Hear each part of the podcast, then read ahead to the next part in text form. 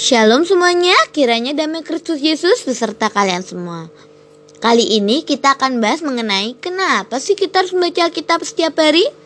Tentu kita semua tahu ya bahwa Alkitab merupakan buku yang sangat unik. Keunikannya terletak pada masa penulisannya yang mencapai lebih dari 1500 tahun. Hal ini dimulai dari zaman Nabi Musa sampai Rasul Yohanes menulis kitab Wahyu. Di dalam Alkitab terdapat lebih 40 generasi yang telah menulisnya. Menggunakan bahasa tulisan yang berbeda-beda dari bahasa Ibrani, bahasa Aram, dan bahasa Yunani. Berdasarkan riset, Alkitab juga merupakan buku yang paling laris sepanjang masa loh. Namun, yang lebih penting dari semua itu ialah Alkitab merupakan firman Tuhan yang memang diperuntukkan bagi kehidupan manusia. Karena Alkitab merupakan firman Tuhan, maka kita wajib dong ya untuk membacanya setiap hari. Karena firman itu menjadi pelita bagi kita seperti yang tertulis dalam kitab Mazmur pasal 119 ayat 105. Berbunyi, firmanmu itu pelita bagi kakiku dan terang bagi jalanku.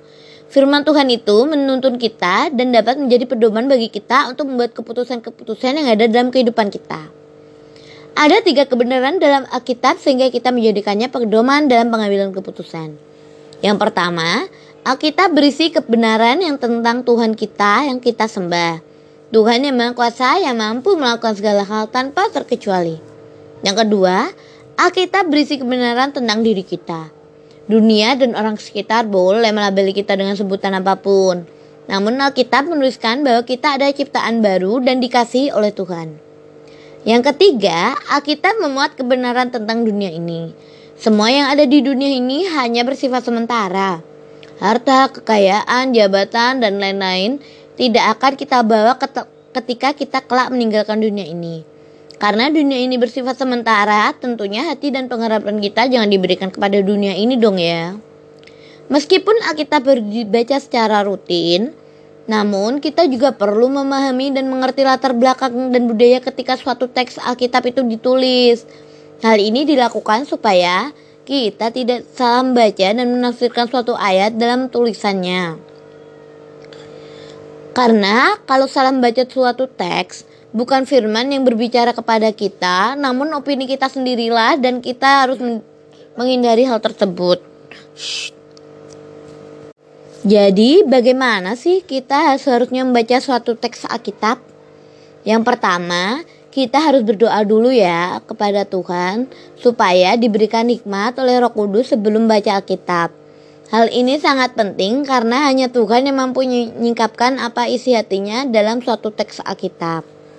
Yang kedua, karena Alkitab terdiri dari berbagai macam jenis sastra dan gaya tulisan, kita harus memahaminya secara literatur dan historis. Maksudnya secara literatur, kita tentunya tidak bisa membaca kitab Mazmur seperti kitab Ayub. Karena yang satu berbentuk puisi dan yang satu berbentuk narasi. Sehingga kita harus membacanya sesuai dengan bentuk sastra yang dimaksud ketika sang penulis menulis teks tersebut. Kita juga tidak boleh memotong suatu ayat sesuka hati. Kita harus menarik kesimpulan hanya berdasarkan teks yang lengkap dan tidak boleh sepotong-sepotong. Memahami Alkitab secara historis berarti kita harus mengetahui latar belakang saat teks tersebut ditulis. Bagaimana adat istiadat dan budaya saat itu? Contohnya, mengapa pengemut cukai dalam kisah perjanjian baru sering disandingkan dengan orang berdosa? Ini tentunya harus dipahami ketika melihat kondisi saat itu, di mana pemungut cukai memungut pajak untuk orang Romawi yang menjadi penjajah orang Yahudi. Maka dari itu, perlu juga untuk membaca berbagai jenis literatur, buku-buku lain yang dapat memperkaya pengetahuan kita tentang Alkitab. Yang ketiga, Alkitab juga harus dibaca dengan berpusat pada Kristus, bukan pada tata cara atau hal-hal yang dilakukan oleh masyarakat pada umumnya. Semua Alkitab berpusat pada kedatangan Kristus, baik pertama maupun yang akan datang. Dan karya penebusan Kristus untuk penebus dosa manusia seperti yang tertulis di Injil Yohanes 5 pasal 39 sampai 40. Dibayar sendiri ya nanti ya ayatnya. Jadi kita tentunya sekarang sudah mengerti ya mengapa pentingnya sekali membaca Alkitab. Sekarang tinggal melaksanakannya saja karena saya percuma saja ya kalau kita mengerti tanpa melakukannya. Ini sama saja seperti orang yang merasa lapar, namun tidak berusaha mencari makanan. Kelaparannya akan terus melanda dirinya dong ya dan akan membunuhnya kelak. Sekian pemaparan saya kali ini. Semoga bisa menjadi berkat ya buat kalian semua. Selamat membaca Alkitab. Tuhan Yesus memberkati kalian semua. Shalom.